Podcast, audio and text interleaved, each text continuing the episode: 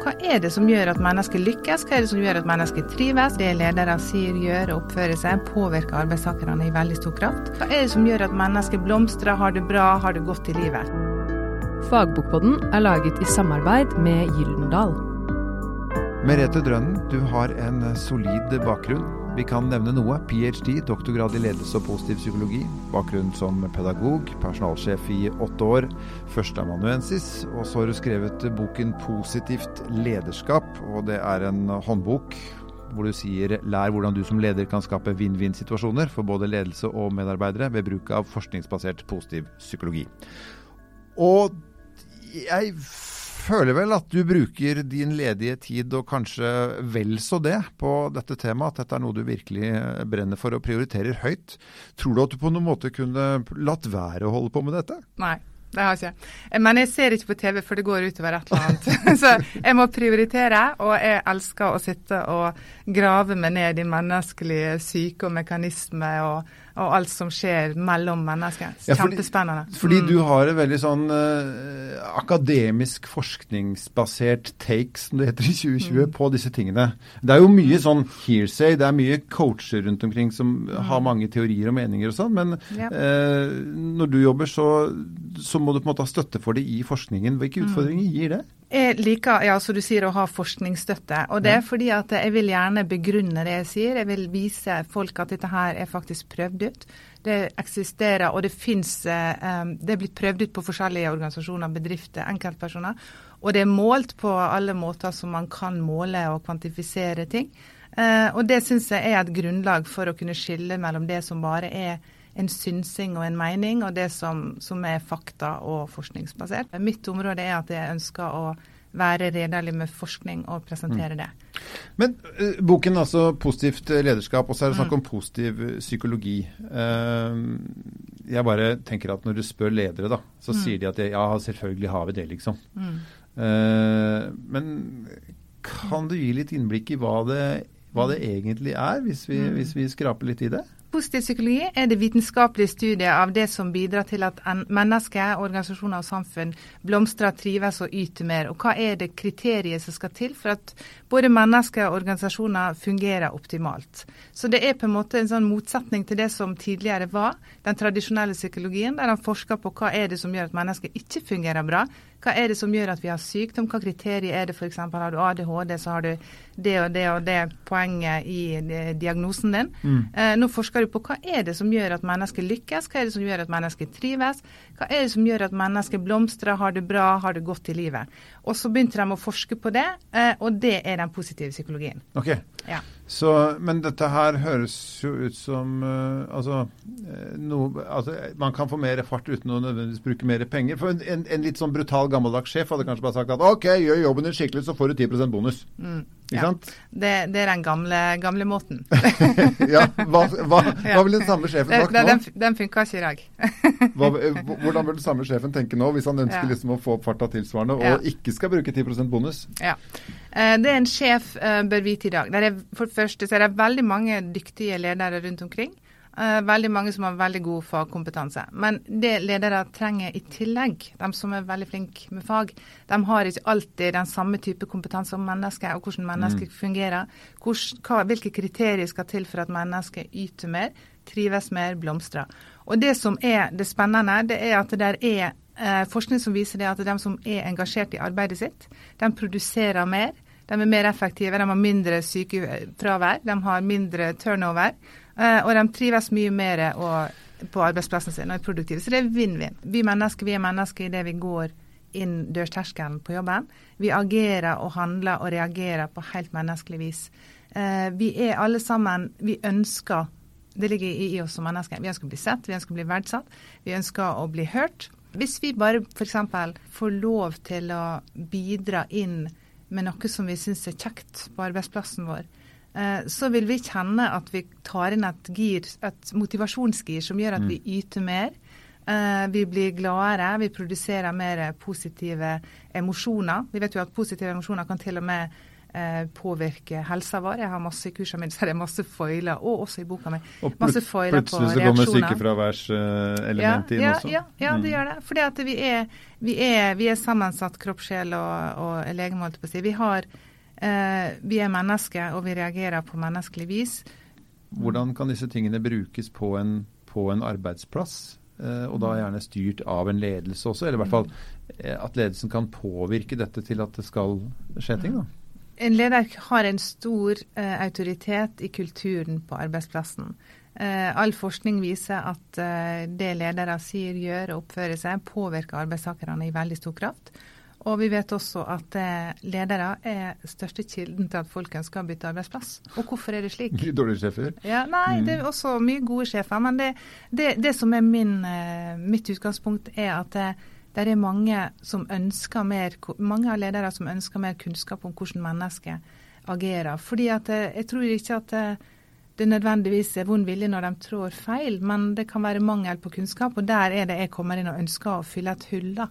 At jeg ønsker å gi ledere verktøy til hvordan kan du forstå hvordan mennesker oppfører seg, og hvordan skal du får dem med deg på laget. For jeg tror det er mange sjefer, og spesielt mellomledere, som river seg i håret og forstår ikke helt hvordan de skal gjøre det. Altså, og så er det noen enkle ting, da. Kunsten er jo egentlig å få med seg den humankapitalen som finnes i bedrifter. Er, forskning viser jo at det er veldig mye sånn Uh, uproduktivitet. Mye tid på jobben som går bort til misnøye. Folk har ikke inn et høyere gir, de kjører på lavgir. Uh, og det der viser seg igjen på produksjonstall og eh, det økonomiske resultatet til syvende og sist. Og så er det, det er fordi at eh, eh, mennesker de ønsker å bidra. De fleste, aller fleste ønsker å bidra, men en stor del av dem, jeg tror nesten 80% har aldri blitt spurt om å bidra med noe som de kan ekstra godt, Mm. f.eks. Eh, og alle mennesker har store ressurser i seg.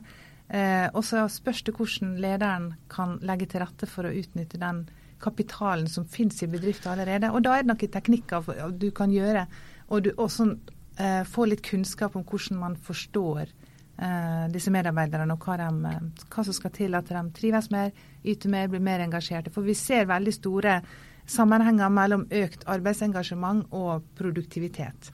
Det, dette er veldig tydelige tall på. Men du har du Ja. skrevet en håndbok. Mm. Eh, kan du her komme med i hvert fall noen små tips da, Mm. til, hvordan, til, til, til, hvordan sånt kan fungere?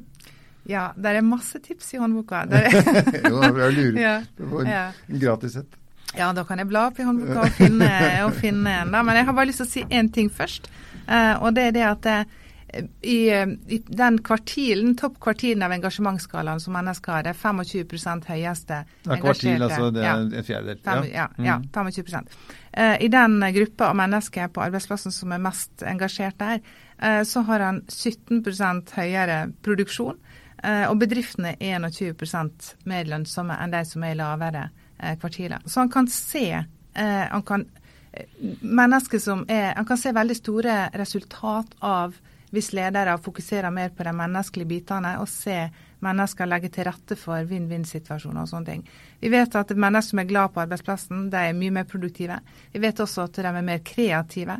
Og I tillegg til at de produserer mer, selger mer. Også I tillegg til det så skårer de enda eh, mer på kundetilfredshet. Og de skårer også høyere på overordna kollegaer og underordna evalueringer. Så, så her er og får høyere prestasjoner i team. Så det, dette her kaller jeg en vinn-vinn-situasjon, fordi at eh, ledere hvis han, For jeg tror ledere vil egentlig eh, gjøre en best mulig jobb. Det er så naiv at jeg tror. Så er vel sannsynligvis glade arbeidstakere mye hyggeligere med sjefen nå, vil jeg tro. Ja, det er det som er. Hyggelige folk er jo mye hyggeligere å være sammen Ja, med det er det. enn de som ikke Ja. Og når vi vet at det er 20% kostnader eh, av en årslønn å erstatte en person som slutter, og vi vet at det er eh, misnøye med ledelsen og bedriftene og folk som ikke får bruke eh, kreftene sine eh, og talentene sine i bedriftene de slutter, så, så er her ganske mye sånn forskning og tall som viser eh, at eh, dette her er lønnsomt for både leder og ansatte og bedrift. Han skaper vinn-vinn-situasjoner. Det er lurt å ha for en leder å sette seg ned og kartlegge f.eks. styrkene til de ansatte.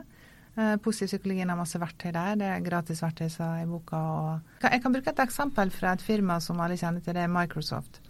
Eh, De kartlegger styrkene til de ansatte en gang i året. Eh, Og så bruker de, og så ser de Er det en annen plass eh, vi kan bruke denne medarbeideren, han får sette han inn i en annen avdeling, i en lederrolle eller underordnerrolle, han kan bruke sin, eh, sitt potensial og sin kunnskap og sin kompetanse og bruke det maks ut. De har også, etter at Ensete Nadella, som er lederen av CEO av Microsoft nå, han eh, kom inn i 2014, eh, og i løpet av fire år så hadde han tredobla fortjenesten for bedrifter. Og hvorfor gjorde han det? Han har jobba med positiv psykologi. og jobba med noe som heter vekstmindset. Han vil at alle og hele bedrifter skal være vekstorientert. Ha en vekstorientert kultur. Dette er growth eh, mindset, som det heter, og det er fra den positive psykologien. Og der de bruker medarbeiderne sin kompetanse til å komme på med f.eks. ideer til nye produkter som Microsoft har, Istedenfor at den medarbeideren sitter der og tenker oi, vi kunne ha gjort det sånn, for den sa skoen på, vet hvordan trykke.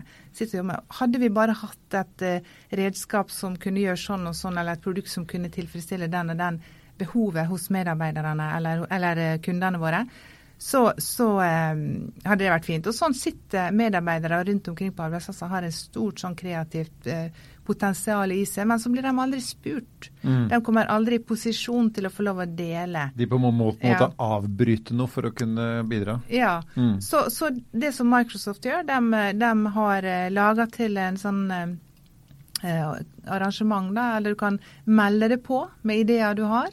Og så, du, eh, så blir det noen hvert år som, som vinner, for å si det sånn. Eh, at og så er det andre medarbeidere som har lyst til å være med og utvikle det og det produktet. Og så vinner de noen, og så får de rett og slett lov å utvikle det produktet. Skape masse arbeidsengasjement. Folk tenker ok, kanskje neste gang så får jeg lov å bidra med mitt.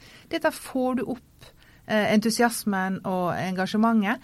Og så vinner bedrifter på det i neste omgang. Og så får de fornøyde medarbeidere. De får selvfølgelig mindre sykefravær, mindre turnover, eh, høyere produktivitet. Eh, dette er ett eksempel på en bedrift som har gjort det bra. Disney, Google, IBM har også jobba med positive psykologiteknikker i litt forskjellige former. Så det handler om kort fortalt at det, handler om å se eh, medarbeiderne, det handler om å legge til rette for eh, vekst både i, forhold til kreativitet, i forhold til eh, ulike områder som man jobber med. Og det er ofte enkle ting det handler om. Og det er det jeg gir fra meg i, denne boka her, da.